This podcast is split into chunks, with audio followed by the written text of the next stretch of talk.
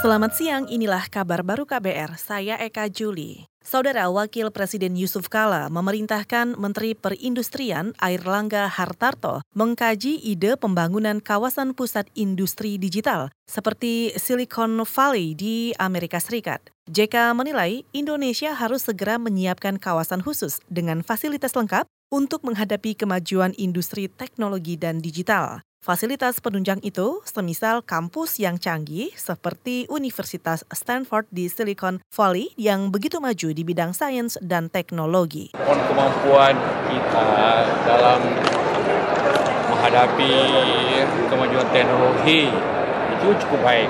Saya bilang, baru saya bilang, ini harus bikin segera semacam Silicon Valley, di mana pusat-pusat teknologi itu tergabung dibentengi atau diadu dengan universitas di belakangnya. Kayak Silicon Valley kan adalah Stanford. Kita apa? Wakil Presiden Yusuf Kala juga menambahkan konsep pusat kawasan industri digital di Indonesia harus dipikirkan secara matang supaya efektif untuk pengembangan dan juga bisnis perusahaan. JK juga memerintahkan ide itu segera dibahas melalui lintas kementerian.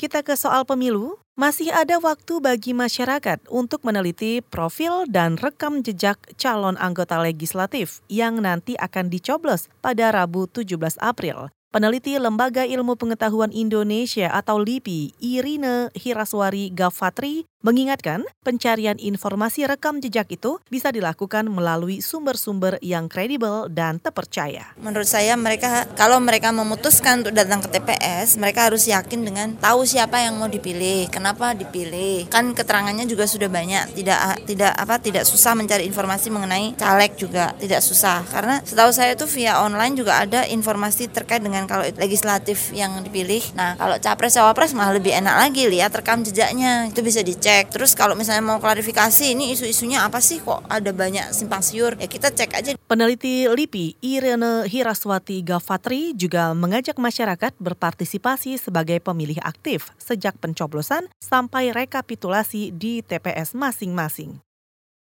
Kita ke Jawa Tengah, Rumah Sakit Umum Daerah Banyumas menyediakan lima tempat pemungutan suara pada Rabu 17 April lusa. Jumlah itu termasuk TPS khusus di instalasi perawatan penderita gangguan jiwa. Wakil Direktur Rumah Sakit Umum Daerah Banyumas, Bambang Widoyoko menjelaskan, secara teknis nantinya kotak suara akan diedarkan oleh petugas ke setiap ruangan perawatan pasien. Hingga kini belum bisa dipastikan berapa jumlah pasien yang sudah memiliki formulir C6 dan A5 sebagai salah satu syarat mencoblos. Dari kejawal yang sudah data kita itu ada 5 TPS. Jadi untuk yang Gedung Gede ini belum ada informasi dari Desa Gedung Gede eh, kira-kira jumlah TPS itu berapa.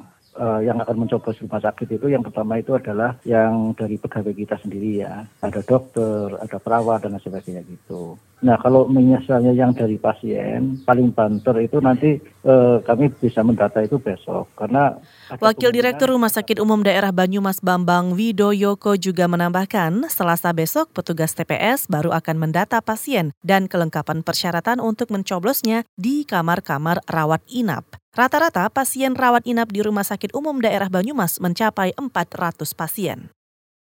Saudara, Kementerian Pertanian hari ini melakukan uji coba penggunaan bahan bakar B100 untuk 50 unit kendaraan dinas. B100 merupakan bahan bakar yang sepenuhnya berasal dari sumber nabati. Menurut Menteri Pertanian Amran Sulaiman, penggunaan bahan bakar nabati untuk kendaraan bukan hal baru. Karena sebelumnya sudah ada B10, B15, B20, dan bahkan B30 yang kemudian atas arahan Presiden Joko Widodo kini sudah mencapai tahap B100. Perbandingan konsumsi bahan bakar kendaraan yang menggunakan B100 jauh lebih irit bila dibandingkan menggunakan solar. Teman wartawan, jangkauannya 13 1 kilo liter, 1 liter sorry, 1 liter ya, mencapai 13 13,1 km. Benar. Cepat datanya kalau aku hafal. 13,1 liter. Eh, kilo. Tapi kalau solar, 1 liter solar itu hanya 9,6 kilo. Menteri Artinya Pertanian apa? Amran Sulaiman juga menambahkan kebutuhan impor solar Indonesia mencapai 16 juta kiloliter. Secara bertahap, Indonesia akan mengurangi impor solar sehingga kelak bisa menghemat devisa negara hingga 150 triliun rupiah. Saudara demikian kabar baru, saya Eka Juli.